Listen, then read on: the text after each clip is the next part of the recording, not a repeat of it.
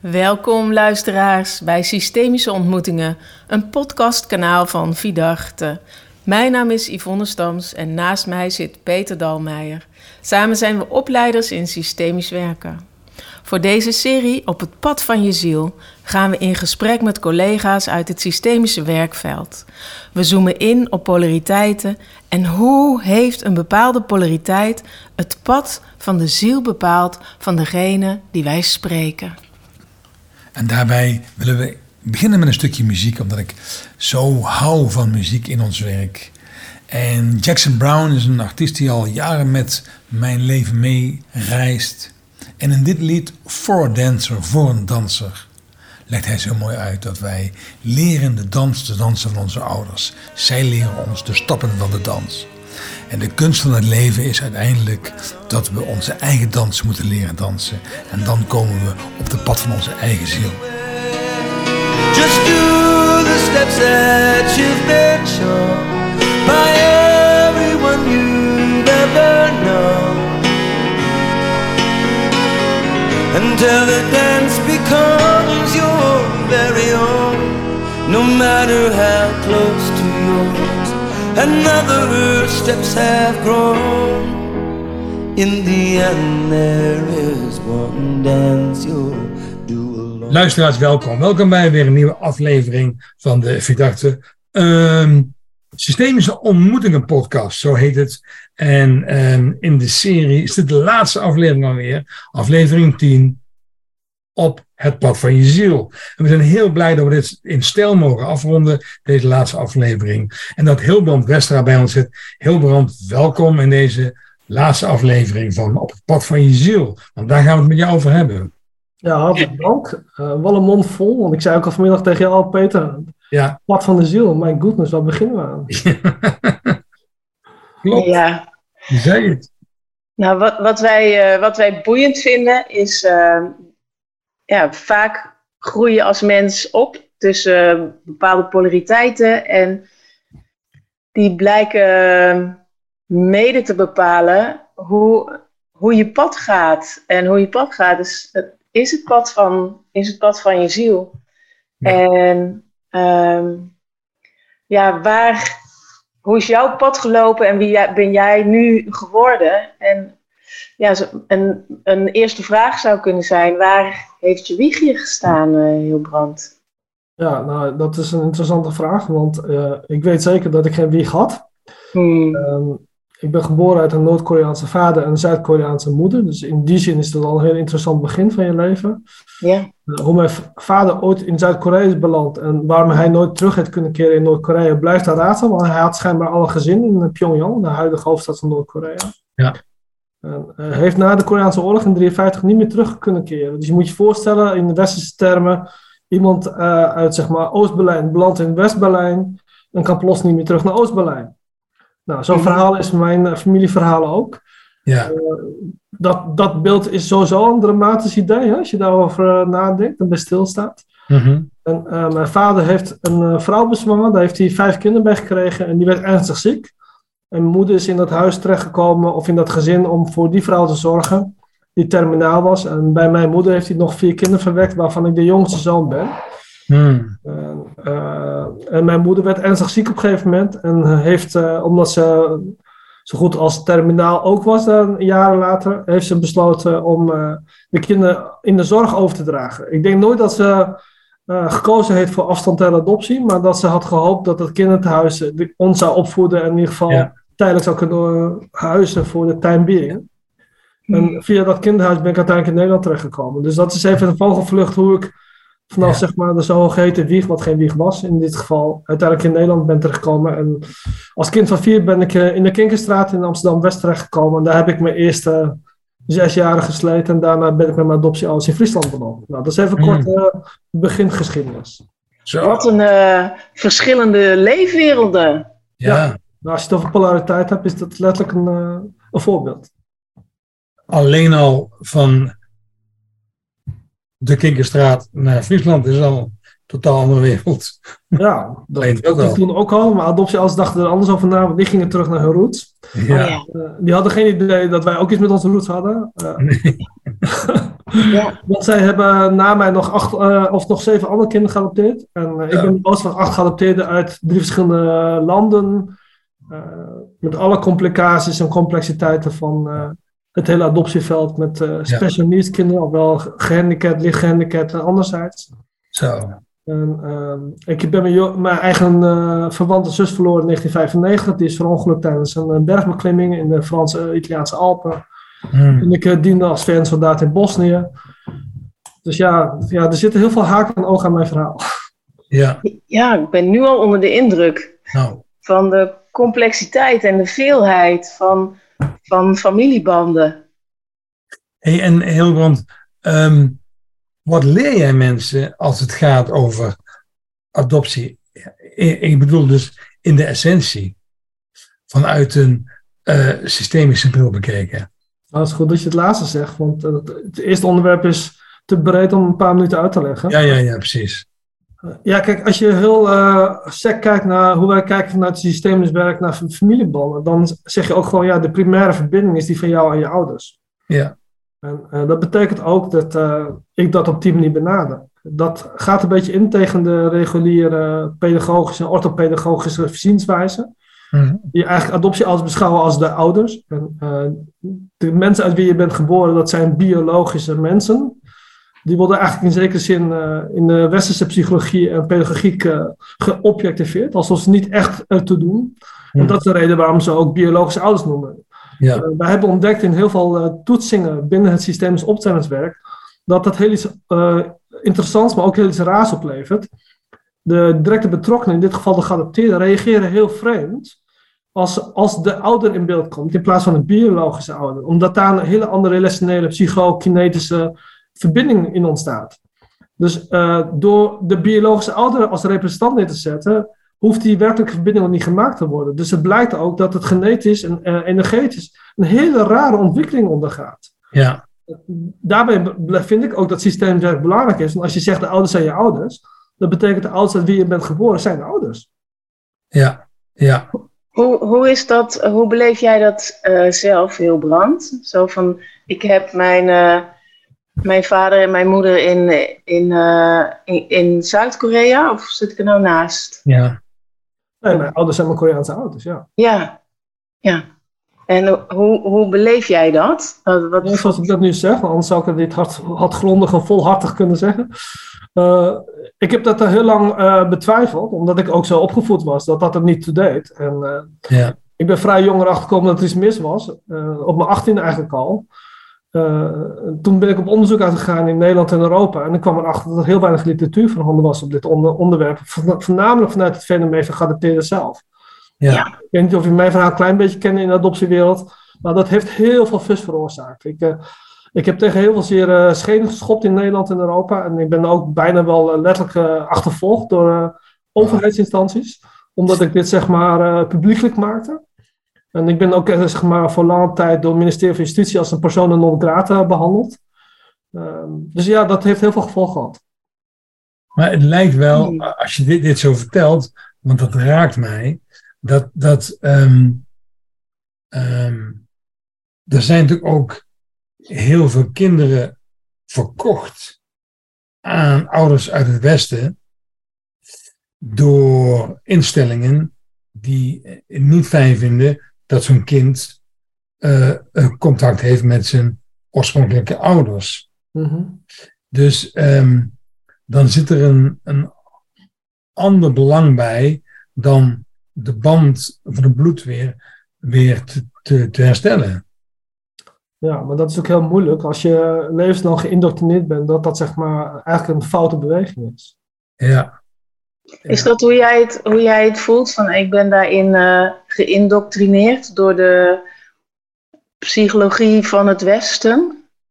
Ja, in zekere zin, maar ik ben heel, heel jong eigenlijk al gekeerd. Hè? Ik ben al 18e ben ik een andere beweging gaan maken. Dus ik was eigenlijk de eerste in Nederland die daarover schreef en daar ook publiekelijk zich over uitte.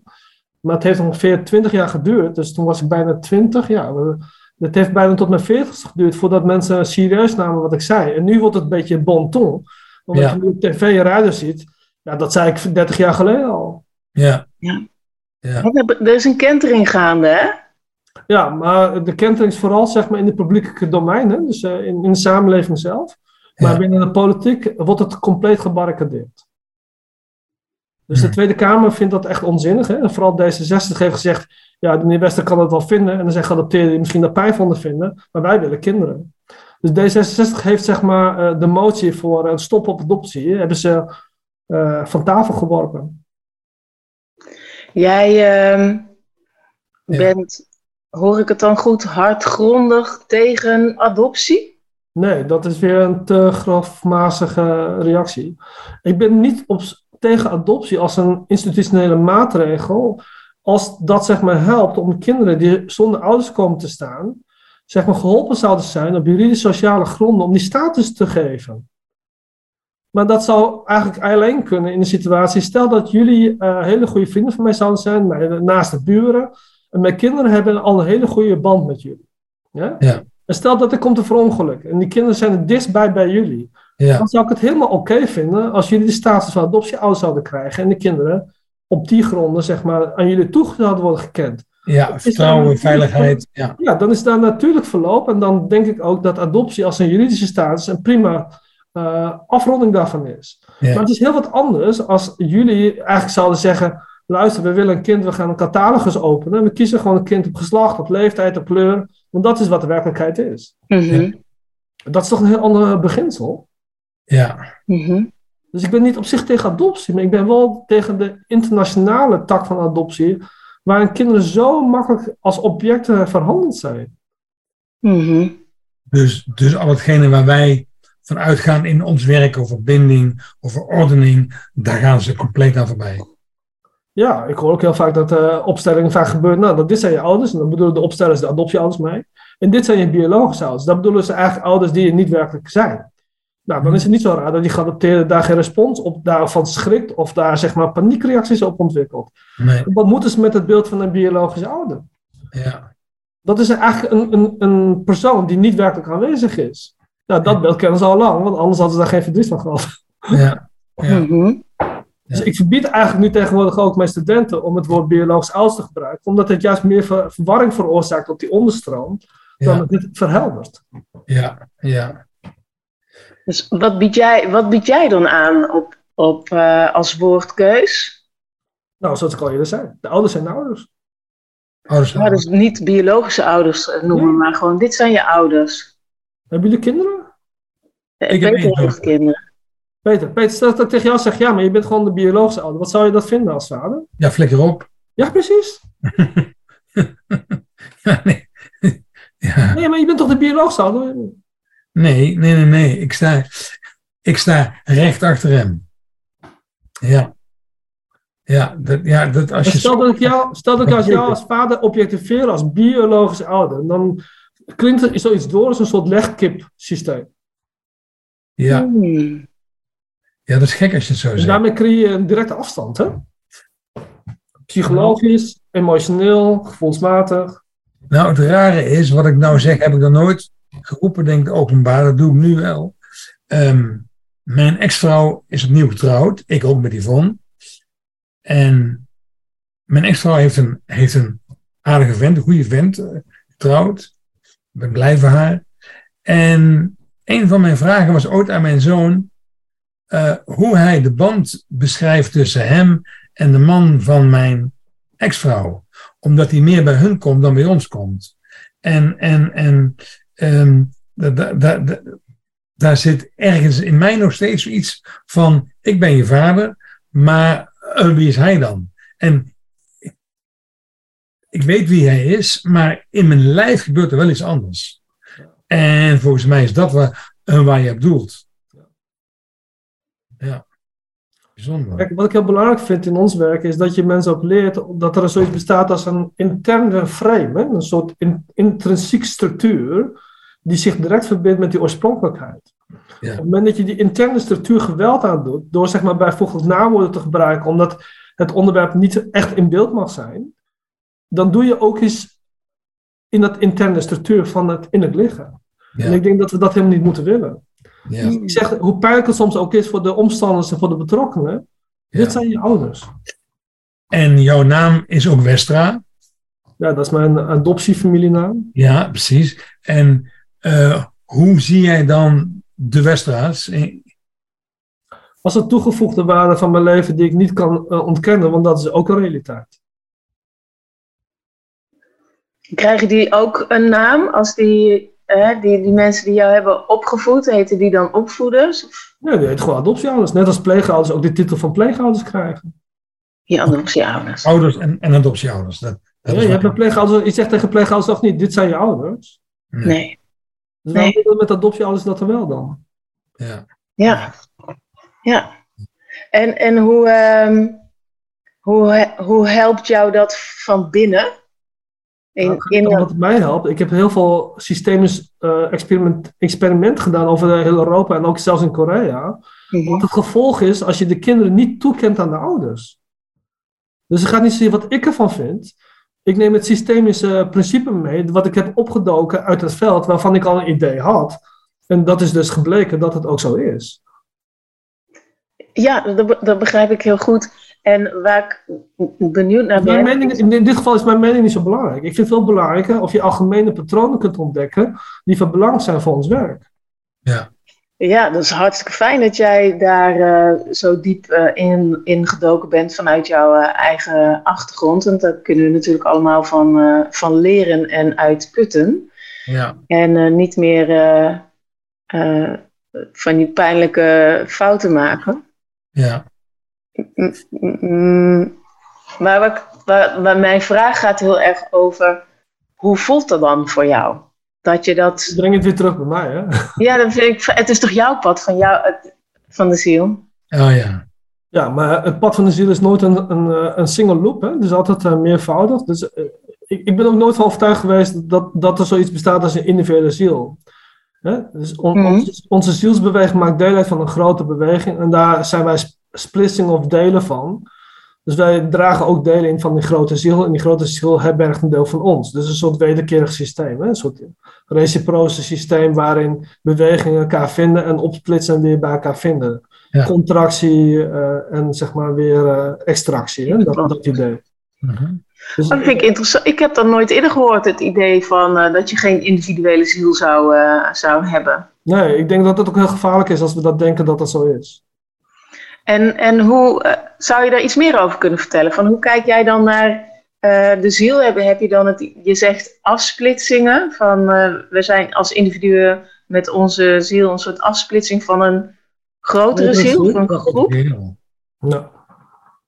Is, is dat uit een bepaalde stroming of heb je dat ook ontdekt met systemisch werken? Of, het is volgens mij anders dan. Er zijn heel, er zijn heel veel stromingen die hierover hebben. De diamantbenadering, je hebt uh, zeg maar de Sitara-benadering, je hebt Shubut, hè? dus de Indonesische vorm heb je ook nog.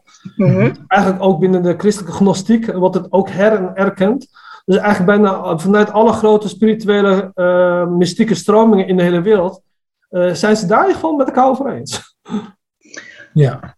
Maar het mooie is dat, dat um, voor al Helling dat heeft, over Geist. Ja. ja. ja ik heb met Helling over gesprek over gevoerd. En uh, ja, dit is dan een taalverschil, maar in principe volgens mij bedoelt we hetzelfde. Ja, ja. Ja. Overigens kon ik vrij goed met Helling overweg, omdat ja, over dit soort dingen kon het vrij makkelijk hebben eigenlijk. Dus ja. dan voel je dat je op een soort gelijkwaardige onderstroom een soort gezamenlijke ziel hebt hè, in, in, in ja. de beweging. Ja. Ja. Het is wel, voor mij is dat dus nieuw. Oh, is dat zo? nou, ik heb hè, in, uh, uh, hoe heet het? Het, het uh, zielengroep is mij wel bekend. Zo van, oh, we zijn, uh, hè, wij horen tot dezelfde zielengroep. Jij, jij, kennelijk ontmoeten we elkaar daarom, omdat we van dezelfde zielengroep zijn. Dat soort uitspraken, idee, ja. dat soort uitspraken ken ik wel. Uh, maar ik heb me er nooit uh, in verdiept of zo. Ik ben, ben er nooit voor gevallen, zou ik maar zeggen, voor die, voor die term. ik ben er nooit gaan uitzoeken van, oh, zou dat zo zijn? Of is nou iedereen die ik ontmoet van mijn zielengroep, van onze zielengroep? Ik, uh, maar jij bent er heel uitgesproken ja. over. Ja. Dat vind ik ook wel mooi. Dat was ik vroeger niet, omdat ik daar heel veel erg aan twijfelde. En, ik, heb, ik heb een aantal dingen ontdekt, eh, ook door heel veel literatuuronderzoek, maar ook door met heel veel mensen hierover te hebben. En ook in systemisch werk daar oefeningen mee te doen en experimenten mee te doen. Dus ja, toen dacht ik, ja, dit is onoverkomelijk, gewoon zo duidelijk. Hier kan ik zelf niet meer omheen. En dat is vandaar dat ik daar heel duidelijk in ben, in mijn uitspraak. Ja. ja. En wat, wat, wat, wat valt je dan op? Het is heel simpel. Stel als je een persoonlijke ziel hebt, hè, een individuele ziel, dan kan of jij de ziel claimen of de ziel kan jou claimen. En dan? Als ik dat zou doen? Wat, wat is het dan nog te doen? Ik weet niet, ben ik gewoon op pad met mijn ziel zo onder mijn arm of uh, op mijn hoofd of uh, in mijn lijf? Dan, dan, ben jij alleen met de ziel. En die ziel die voelt niks anders dan jij. Jij voelt niks anders dan de ziel. Hm. Dan is dat wel waar. Hm. Ja, dat is een goede vraag. Nou ja, ik ken wel uit de uh, metafysica ook het, het, ja, metafysica. Ja. Het, het, het, het, het, idee van uh, de spirit. Ja, de spirit wordt het daar genoemd. Ja. Uh, of, of, ook zeg maar de beweging van de geesten. De, ja. Fritjof Kappa die zegt dat ergens in zijn latere geschriften ook, want daar wou hij echt nooit over hebben, maar hij was van huis uit een natuurkundige. Hè? Maar hij moest eigenlijk erkennen dat er iets meer was dan alleen de materie. Dat vonden dit soort mensen heel lastig in het begin. Ja. Ja. Maar Helmut Rosa, een, een, bekende Duitse filosoof, ook onderzoeken, ja, die heeft het over resonantie. Maar in principe gaat het wat mij betreft denk ik allemaal over hetzelfde. Ja, ja. ja. Zou, het, zou het daarom zo fijn zijn om te verbinden? Als je, om, omdat je zielen elkaar dan uh, ont, ontmoeten. Ja, maar die zielen kunnen elkaar niet verstaan als er geen gezamenlijke factor is. Uh, ik, zit, ik zit echt een beetje zo van. Uh, dit, dit, we hebben dan de serie Het Pad van je Ziel genoemd. En jij sluit hem af. en het is echt, voor mij is dit echt, hè, ik ben niet zo belezen. En ik heb me ook niet, ook niet verdiept in de christelijke stromingen rondom zielenwerk. Ik heb dat in de kerk volgens mij ook nooit gehoord. Zo van, oh, we hebben allemaal samen een ziel en daarom zitten we in dezelfde kerk. Dus ik, ik ben wel een beetje dit aan het uh, processen, merk ik. Maar, maar Yvonne, we zijn... We, we hebben een maand samen gelopen met drie shamanen door Peru.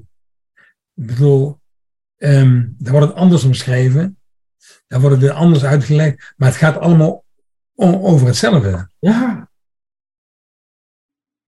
Kijk, en ik, ik ben relatief denk ik goed thuis in shamanisme. Ik, ik, ik, ik, ik, uh, ik, loop daar nooit mee te kopen, omdat ik het ook een beetje een trend vind tegenwoordig.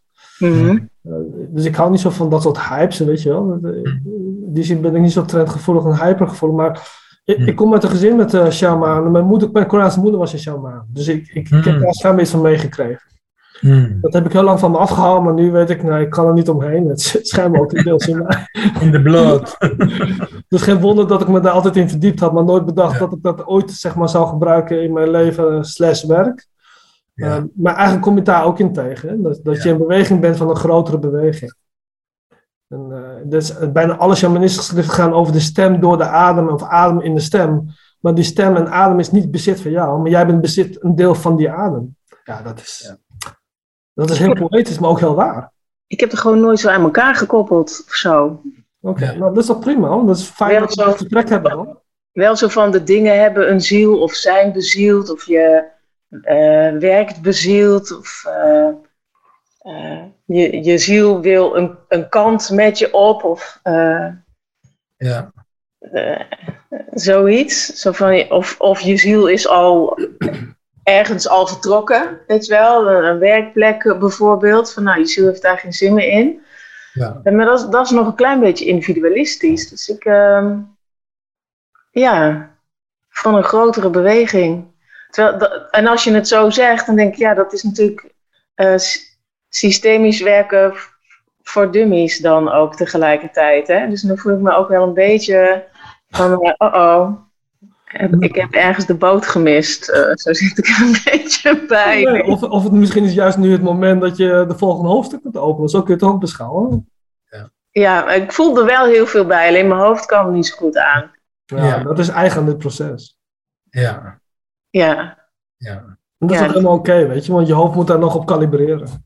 Ja, ik voel me er heel erg mee verbonden. Ja, dat is mijn lijf belangrijk. snapt het, maar ik, eh, mijn hoofd kan niet zo goed mee, mee praten, zou ik maar zeggen. Hey, en wat, wat, wat er nu in mij omgaat heel brand is dat. ehm, ik, ben, ik, ik ben benieuwd of jij het ook zo ziet.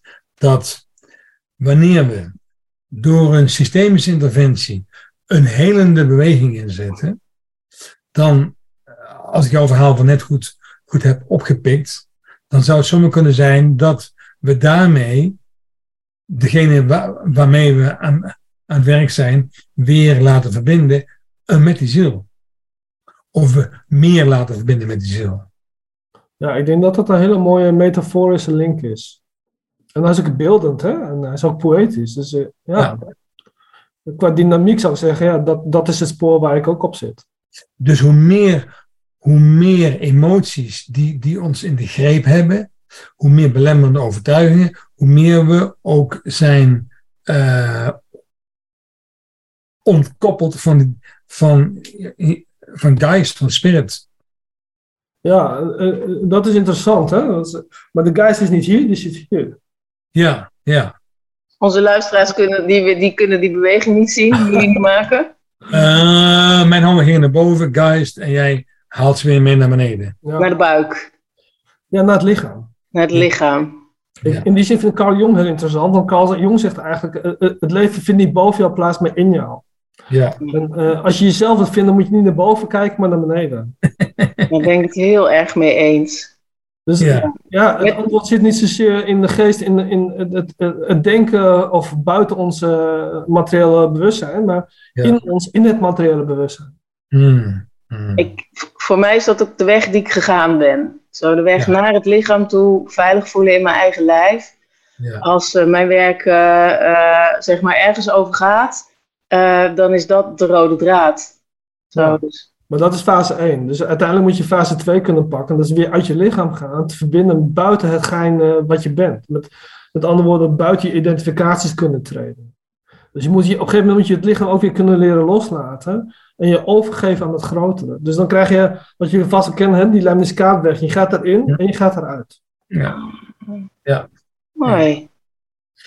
Mooi. En Doe je daar speciale dingen voor, eh Hilbrand? Om, om en in het lijf te zijn en de identificaties los te laten?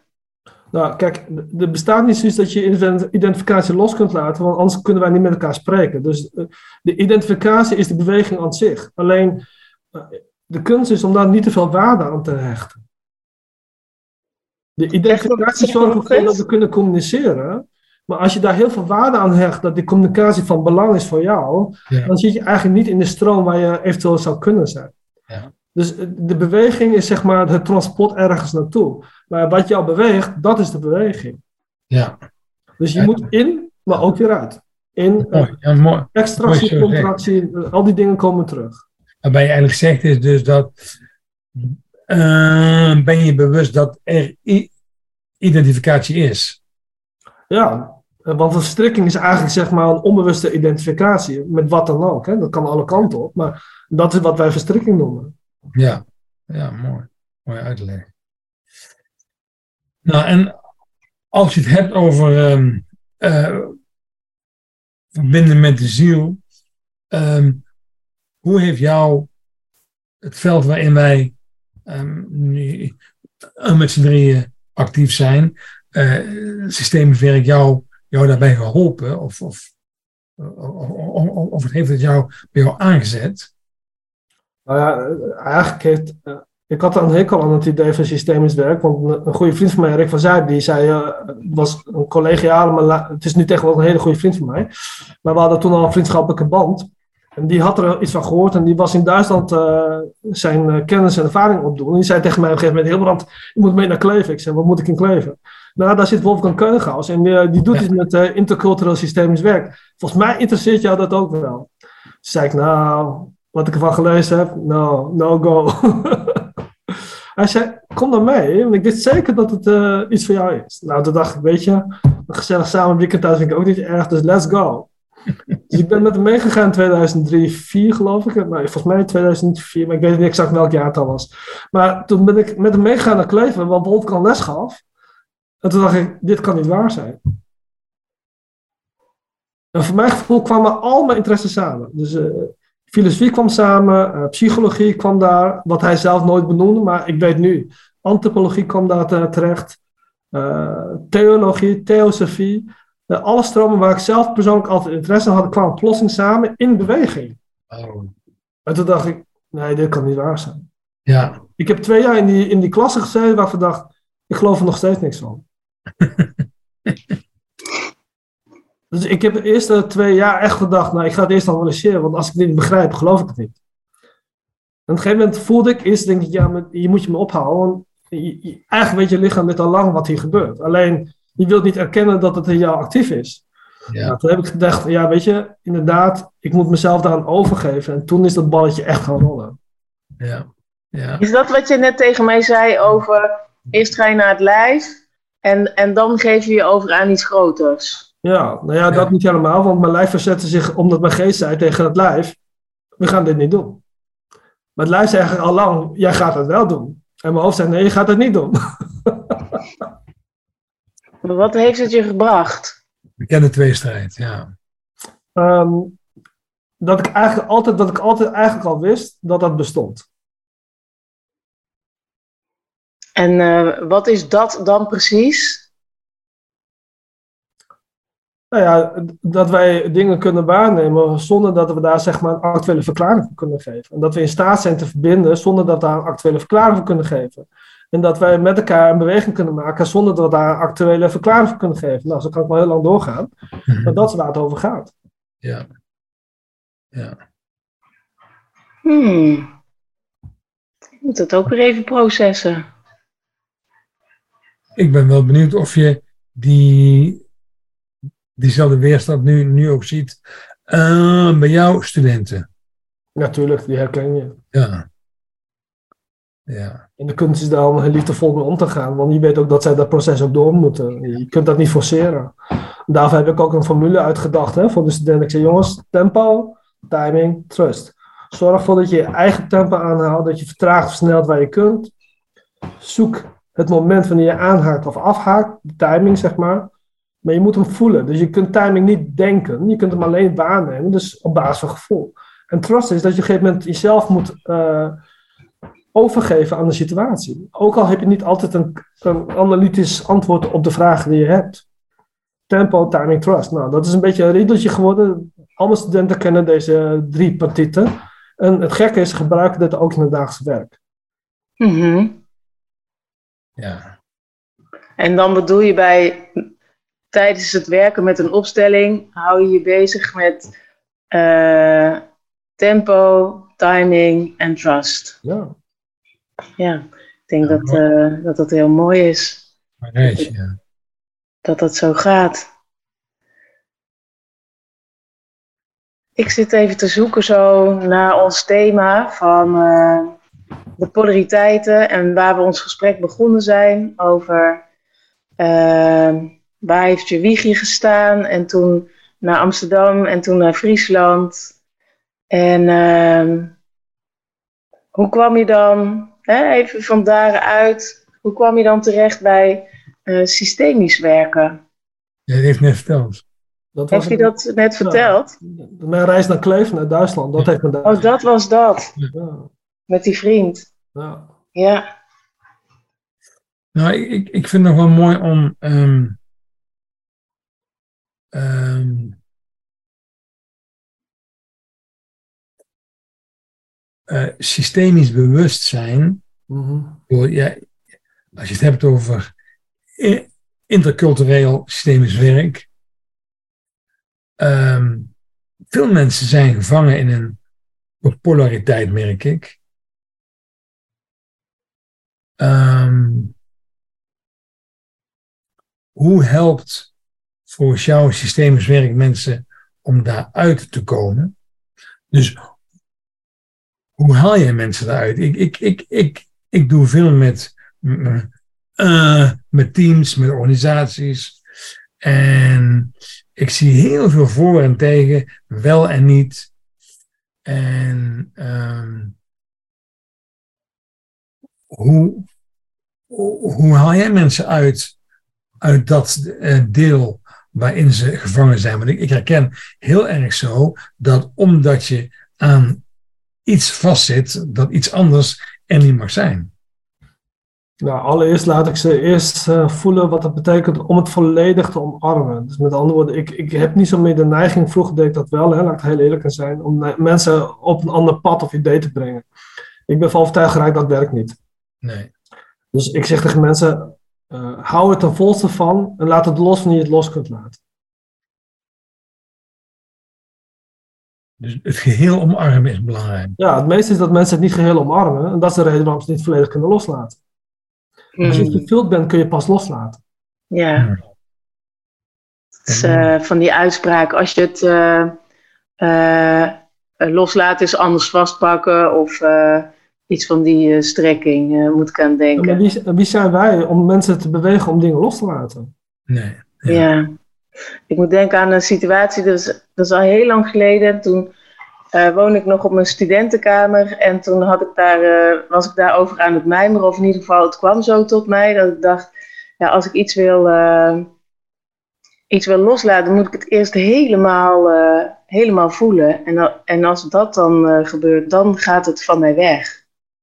Kan ik niet altijd trouwens. Maar dat was toen wel een heel helder eh, moment wat ik beleefde. Ja, nou, daar, daar lijkt het een klein beetje op, ja. Ja, en daar help jij mensen, op die manier help jij de mensen. Ja, ik weet niet of dat helpt is. Ik probeer meer mensen zeg maar, bij zichzelf te brengen die ze eigenlijk kan zijn. En als ze dat kunnen ervaren, dat ze compleet zijn, maar dat ze het niet hebben benut, hè, de potentie niet ten volle hebben benut, dan kunnen ze een beweging maken om die potentie ten volle te benutten. En dan willen ze vaak ook wel iets anders. Hmm. Wat, wat, wat, ik- wat ik in deze wel leuk vind, en waar ik nu in één keer aan moet denken, in het gesprekje wat we hadden eh, ja, toen, toen we de opname niet hadden gestart. Ehm, wij eh, maken deze reeks ook omdat wij het fijn vinden om te verbinden met eh, gelijkgestemden uit het veld.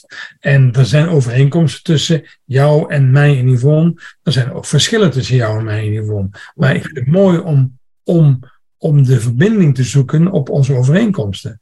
En ehm, wij merken ook dat dat niet overal vanzelfsprekend is. Nee. Hetzelfde heb ik gezien in het veld van NLP, waar ik ook, ook heel lang mee, mee werk. Ook daar is, ehm, zijn, zijn ja, stromingen die, die elkaar eh, verklaren als onzin en belachelijk. Hoe, Ehm, wat zou jouw boodschap zijn voor ons in het systemische veld? In, in, in de context wat je net schetste, Peter, is dat Ja. wat je bedoelde? Ja, Nou, dat, dat zal misschien heel raar zijn, maar ik denk dat we gewoon van zouden kunnen leren als je. ehm, er komt een oud gezegde naar boven: ere aan wie ere toekomt. Als we elkaar nou eens minder zouden beconcurreren. Dan kan best zijn dat ik morgen minder brood eet dan eh, jullie. Maar als dat het veld en ons werk dient, waarom niet? Hè? En, en dat we ook met elkaar gewoon eh, eerlijk durven zeggen: Nou, die is daar heel goed in en die is daar heel goed in. En ik wijs je door omdat dit onderwerp bij die ander beter terechtkomt dan bij mij. En dat gaat ook over gewoon mensen hun plek geven die ze rechtmatig toekomen in de zin van dat ze ook de specialisten of zeg maar de eh, kennisvergaders zijn van het onderwerp. Ja. Maar ik merk nog steeds dat er in Nederland heel veel eh onderhuidse concurrentieslag plaatsvindt. Ja, en ik wil er niet aan meedoen. Hmm. nee, terecht. Ja, Oké. Maar goed, ik, We hebben bijvoorbeeld, dit, dit is een praktisch voorbeeld. Hè? Ik, ik ben al met een aantal mensen in Nederland al jarenlang bezig om zeg maar een soort eh, beroepengroep te maken. Eh, mooi. Misschien wel of niet in, in het idee van zeg maar ooit een, een, een beroepscodegroep of wat dan ook. Hè? ja, Ja, de reden waarom dat tot, no- tot nu toe nog nooit is tot stand gekomen is, omdat er gewoon ruzie is onderling hierover.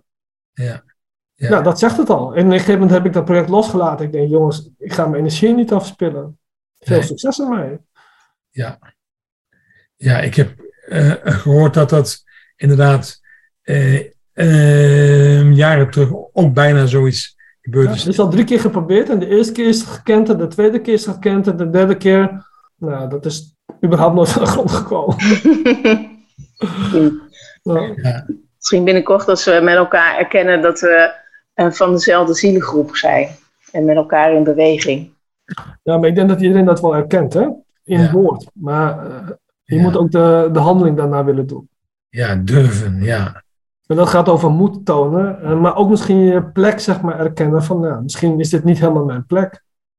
Nou, dan gaat het over opoffering of zeg maar je plek innemen waar die eigenlijk thuis hoort in het veld. Ja, dat, dat roept zoveel emotionele kwesties op en dan denk ik, ja, dat betekent dat je daar nog niet bent wat mij betreft.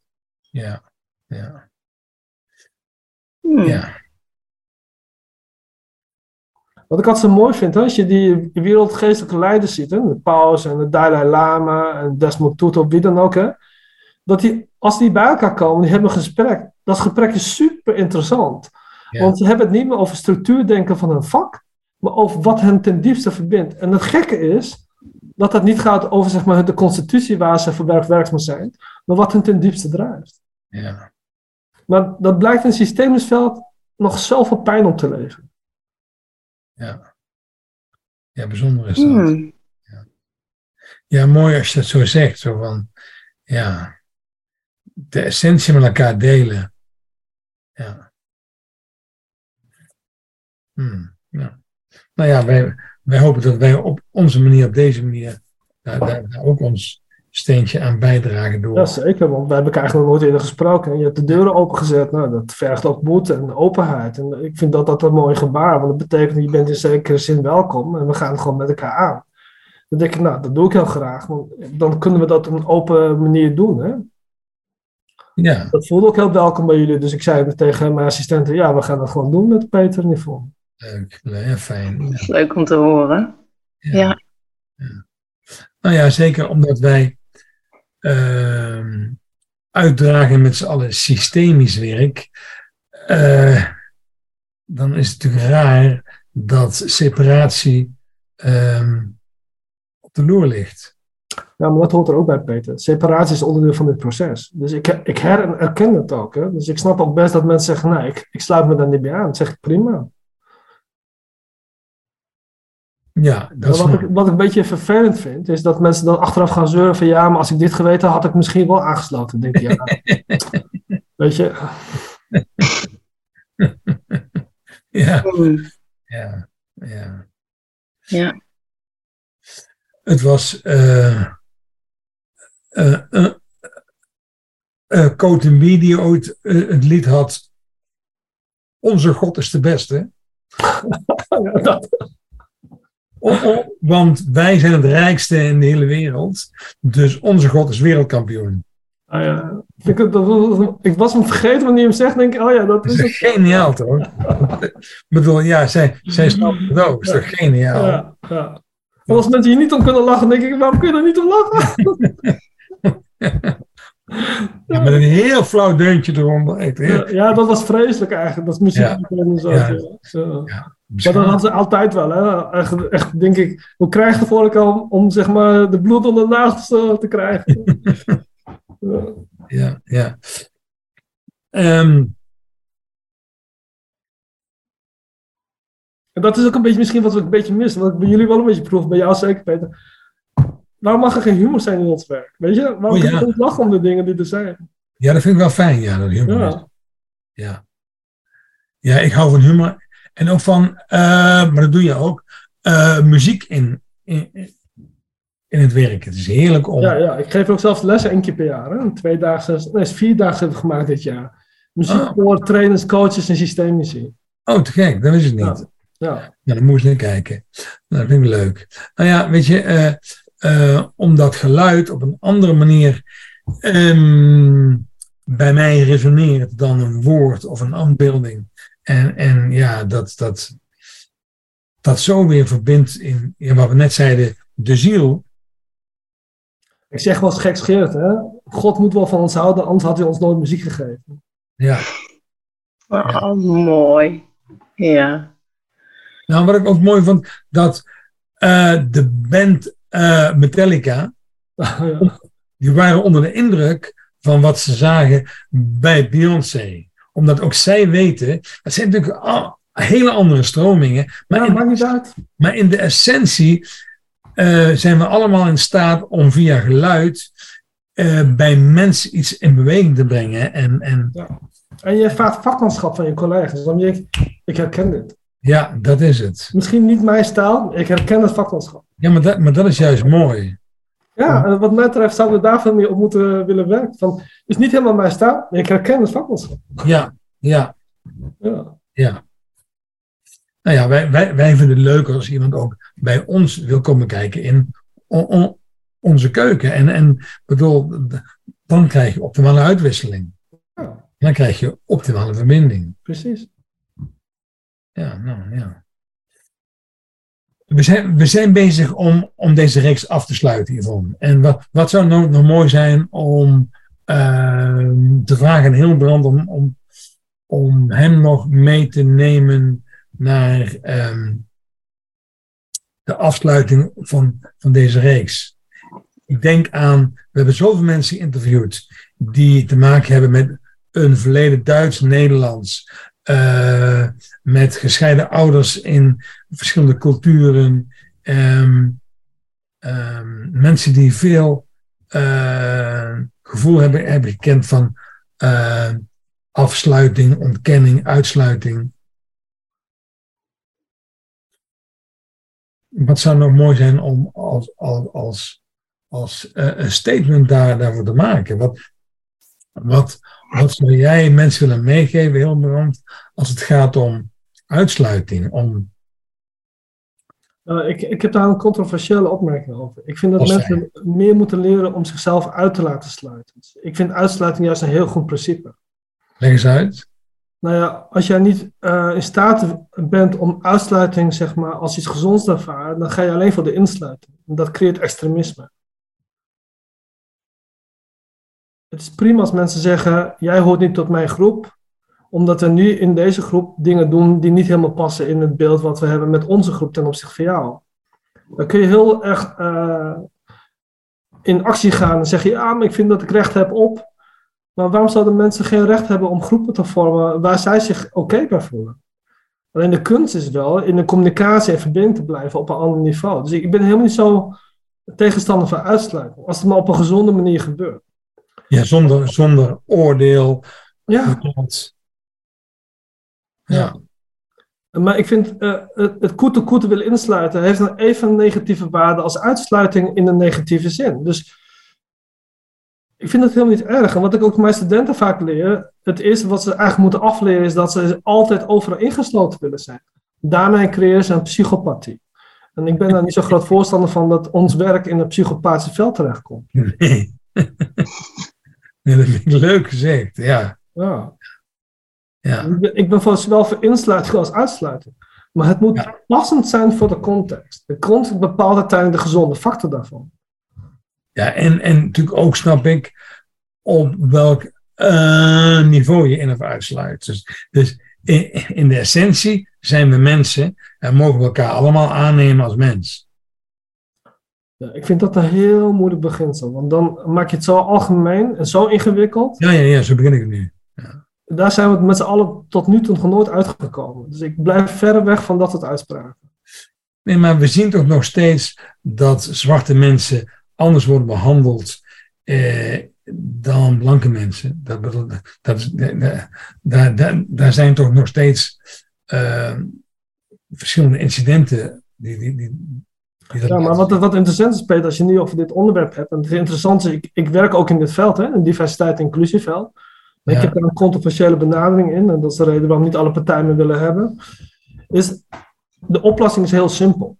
Namelijk met elkaar gaan praten op eerlijke gronden. Dus als je de waarheid prevalent zet ten opzichte van wat er zich afspeelt, ben ik van overtuigd dat je dingen opgelost krijgt. Het probleem alleen is dat er heel slecht naar elkaar geluisterd wordt. Omdat elkaars waarheid er gewoon pijn gaat doen. Ja. Ja. Dus de oplossing is heel nabij, maar niemand wil pijn lijden. Hoe zie je dat dan? De, elkaars waarheden gaan, gaan pijn doen? Nou, het is heel simpel. Als ik zeg tegen jou van, eh, ik vind dat je schuldig bent aan X. Dus ik vind eh, dat ik daar eh, recht heb op genoeg doen. Wat is jouw reactie dan? Ja, dan zou ik zomaar kunnen zeggen, dat klopt. Nou, dan zijn we uitgesproken, want dan heb ik mijn eh, eh, antwoord gekregen. Maar vaak gebeurt het dan dit. Maar dan wil ik ook daar een, een, eh, vergoeding voor wat mij is aangedaan. Ja. Ja. Ja. Ja, dan, dan, ja, hoe ik dan denk, ja, kan ik me ook voorstellen, maar ik weet niet of ik dat dan heb. Ja. Ik vind dat, je hebt erkend dat het zo is. Dus ik vind ook recht dat je daar herstelbetaling voor moet doen. Ja, Erkenning wordt materie, zeggen we dan. Ja maar dat is natuurlijk ook een beetje van, eh, is dat zo? Is, Ja. dat, Dus in zo'n discussie komt het niet echt uit, snap je? is dat de enige vorm? Nou, ik denk niet, als het werkelijk over inhoud gaat, gaat het nooit over materie. Ja. Oh, maar dat bedoel je in zo'n discussie kom je dan terug. Maar dat wil je dan toch juist niet? Ja, dat willen we wel. Wil je in die materiële discussie terechtkomen? Want dat is het eerlijke verhaal. ja. over. Het gaat daar. Ik, ik vind het niet, hè. laat ik helder zijn, ik ben daar helemaal niet voor. Nee, nee, nee. Ik ben meer van de aanpak van, zeg maar, eh, een waarheid- en verzoeningscommissie-achtige aanpak. Ja, Maar eh, dat heeft ook opgeleverd in Afrika dat het probleem alleen maar groter geworden is, niet kleiner. Het heeft een tijdelijke oplossing gesorteerd, maar niet voor de lange duur. Dus het heeft voor de lange termijn niet gewerkt. Ja. hmm. Hmm.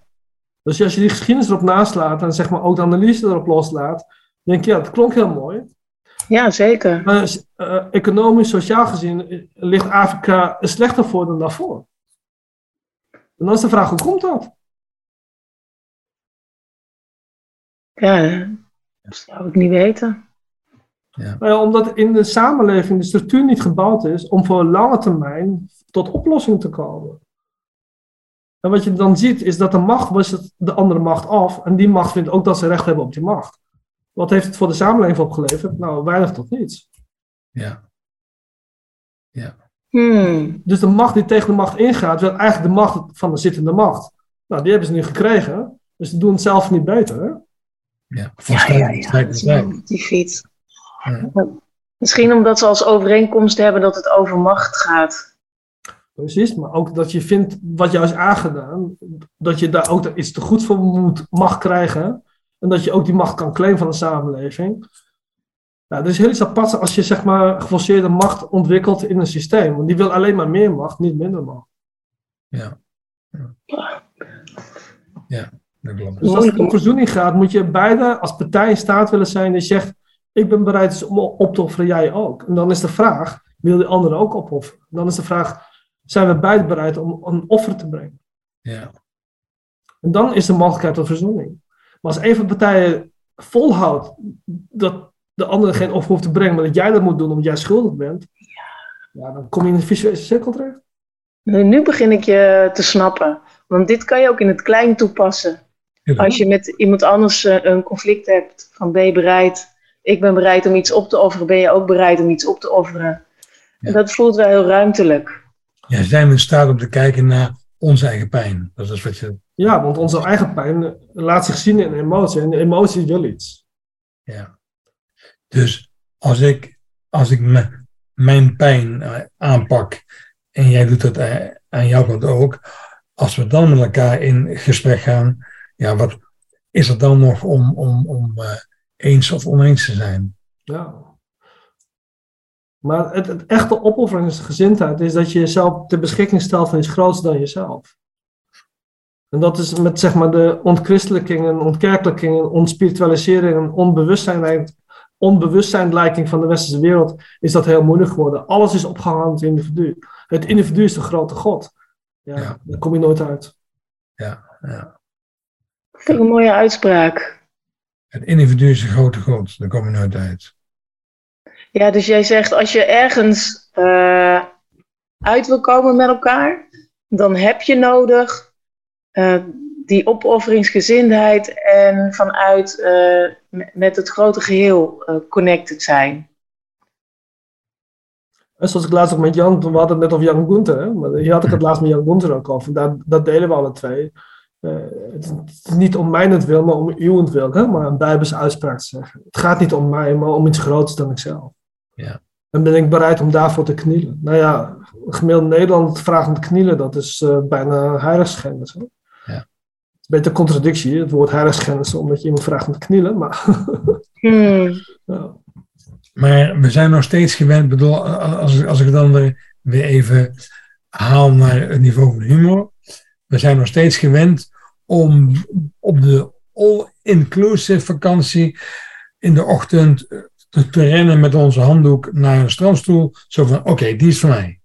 En ja. en ja. En ik hoorde laatst weer dat er veel ruzies ontstaan uh, omdat mensen uh, een stoel claimen bij het zwembad.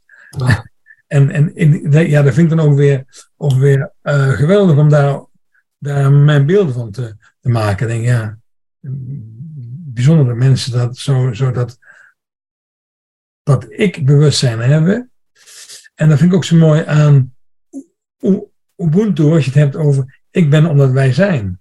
En, en ja, dat, dat, dat is uh, compleet afwezig in de all-inclusive. ja. Dat idee.